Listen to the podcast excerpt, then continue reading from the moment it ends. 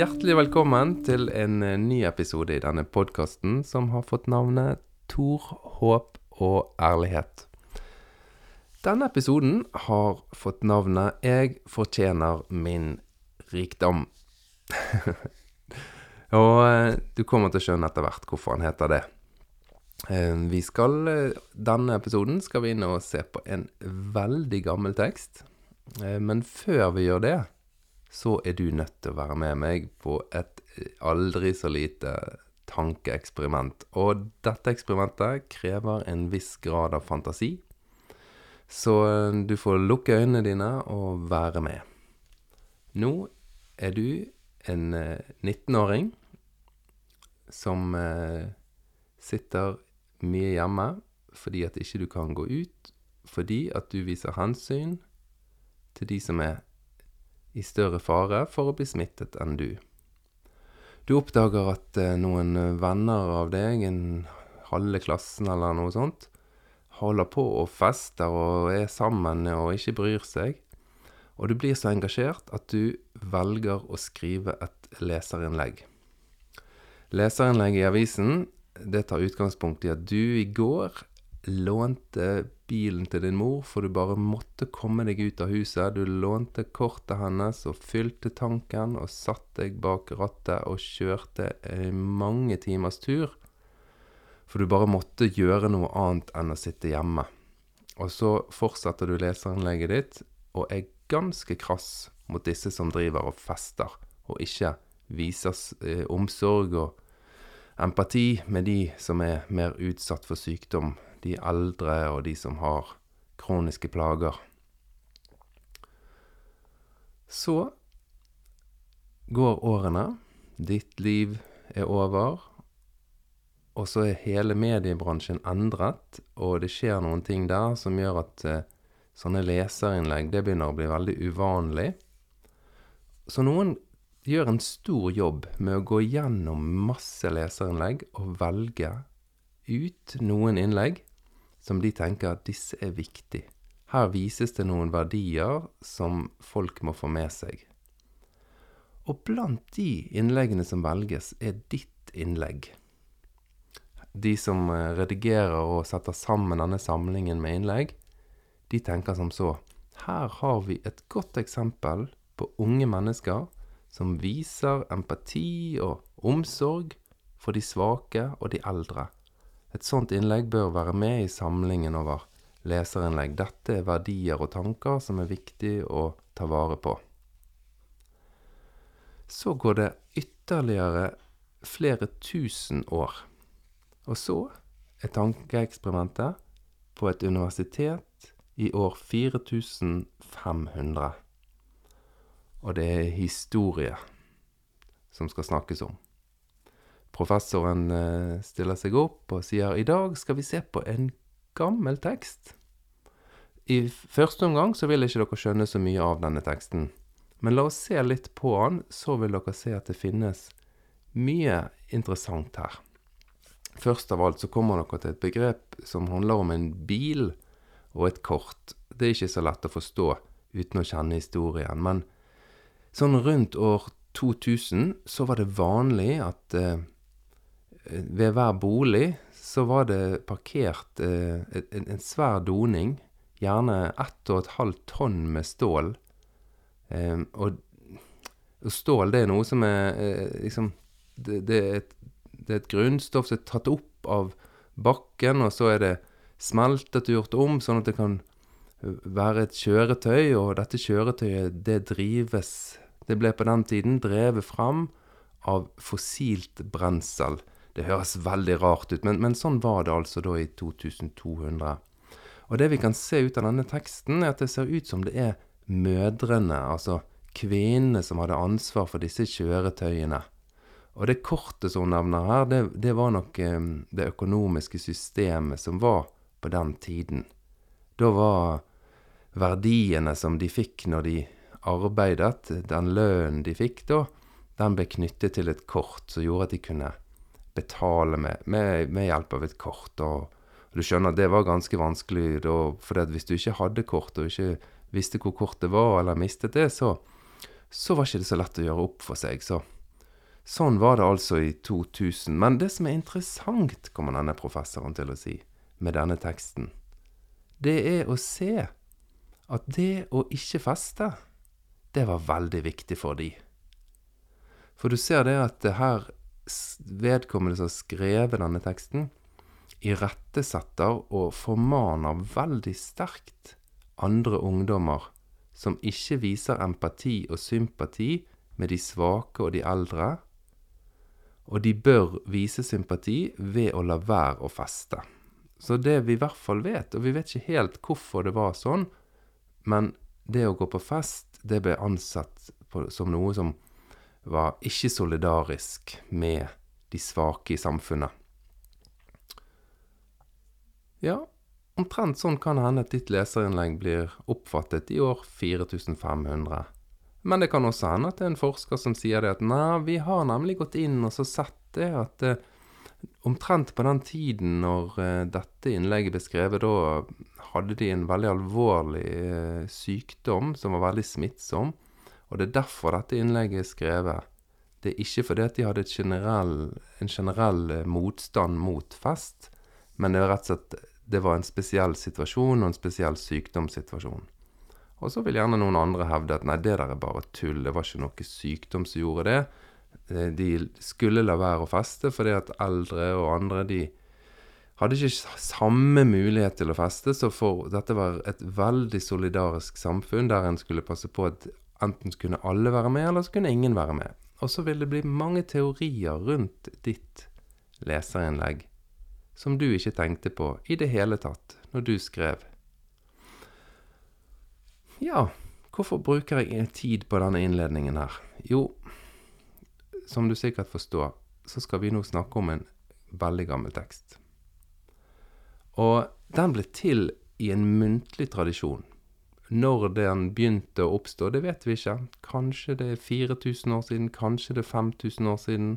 Vi vet ikke engang helt nøyaktig når den første gang ble skrevet ned, men kanskje 2500-3000 år siden så ble denne her Begynte han å få en eh, skriftlig form, denne fortellingen. Og så, når du leser en sånn så gammel fortelling, så tror jeg det er smart å tenke Hvorfor i all verden valgte noen å skrive ned denne fortellingen? Hvorfor ville de gi den videre? Det fantes sikkert mange muntlige fortellinger, og mye filosofi og mye synspunkter som var delt muntlig gjennom årene, men akkurat denne historien var det noen som valgte å skrive ned i håp om at ettertiden skulle kjenne til den.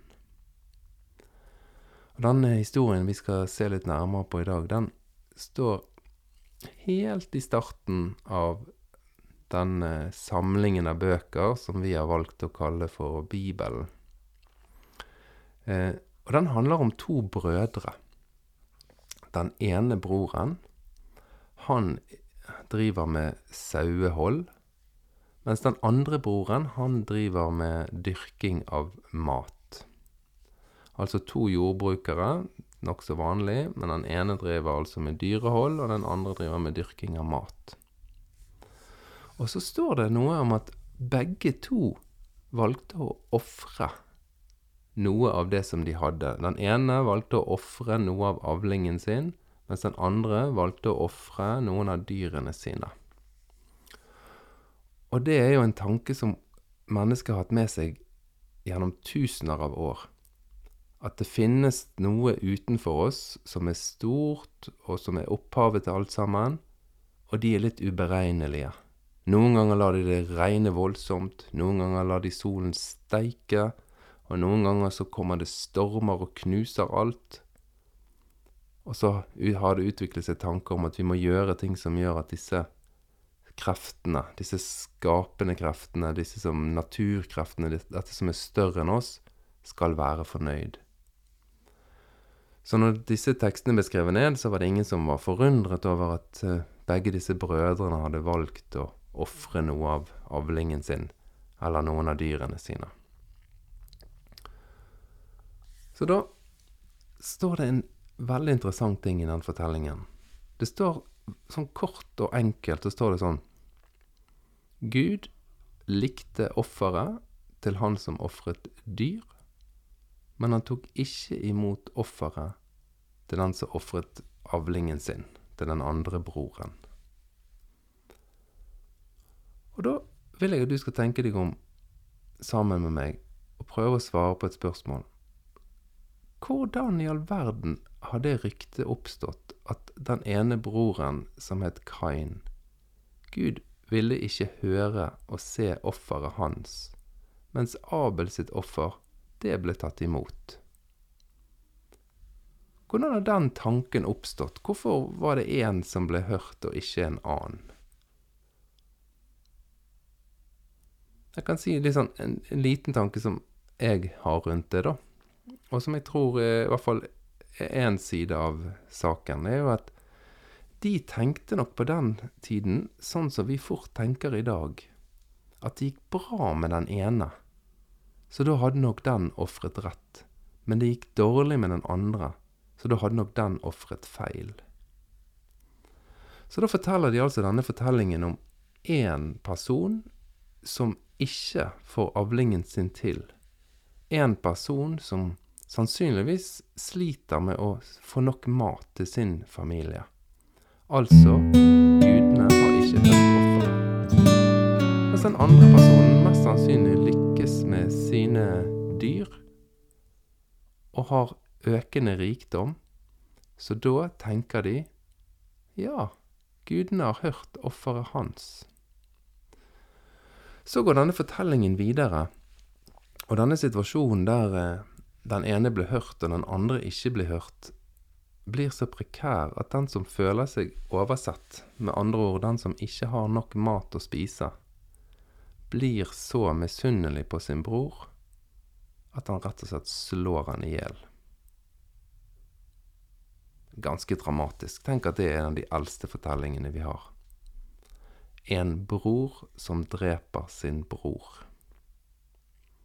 Så har jeg tenkt, hvorfor tar de med en sånn fortelling? Den er jo helt forferdelig. Når jeg leser den, så kjenner jeg ofte at jeg får veldig medynk med han Kain, han som da, det blir sagt, ikke ofret riktig. Offeret hans ble ikke sett. Mest sannsynlig så manglet han mat. Mest sannsynlig ble han veldig fortvilet og veldig misunnelig på den broren som hadde mat. Og den broren som hadde mat, hvis han henger med på den tanken om at Gud har sett mitt offer, jeg har gjort noe rett, så jeg fortjener å ha mat, mens min bror, han fortjener å ikke ha mat, så ble han kanskje stolt og fornøyd med seg sjøl, og så ingen grunn til å dele. Og for meg så forteller denne fortellingen om at vi mennesker, vi har ingen grunn til å tenke at vi fortjener den rikdommen vi har. Vi som bor i Norge, vi fortjener ikke det noe mer enn de som lever i India, og som mangler alt. Vi har en forpliktelse til å dele. Og så lærer denne fortellingen oss at eh, hvis vi ikke deler, så skapes det så stor avstand og så stort hat at vi kan være villige til å gjøre forferdelige ting mot hverandre, det ligger i menneskets natur. Tenk på det, du. Kanskje det var det de mente når de tok med denne fortellingen. Jeg håper du vil gå inn og lese den fortellingen. Den står i, helt i starten av Bibelen, i første Mosebok. Og så leser du den, og så tenker du hva betyr den for deg? Hva sier den til deg? Og så kan jo du vurdere om det som jeg nevnte her, om det kan være én måte å lese den på, og én måte å forstå den på. Og hvis du tenker at nei, vet du hva, dette her, det de virkelig prøver å si her, det som gjør at de tatt vare på denne historien, det er for å fortelle oss at mm, mm, mm, mm, mm. Ja, da finnes det en Facebook som heter Tor, håp og ærlighet, og vi er veldig glad om du sender oss melding, eller om du poster på siden der. Ta opp spørsmål, synspunkter. Så kan vi sammen se på og diskutere. For i Tor, håp og ærlighet, der tåler vi ærlig debatt. Og ærlige samtaler og spørsmålsstilling. Tusen takk for at du hørte på. Håper du henger med på neste episode også. Vi høres.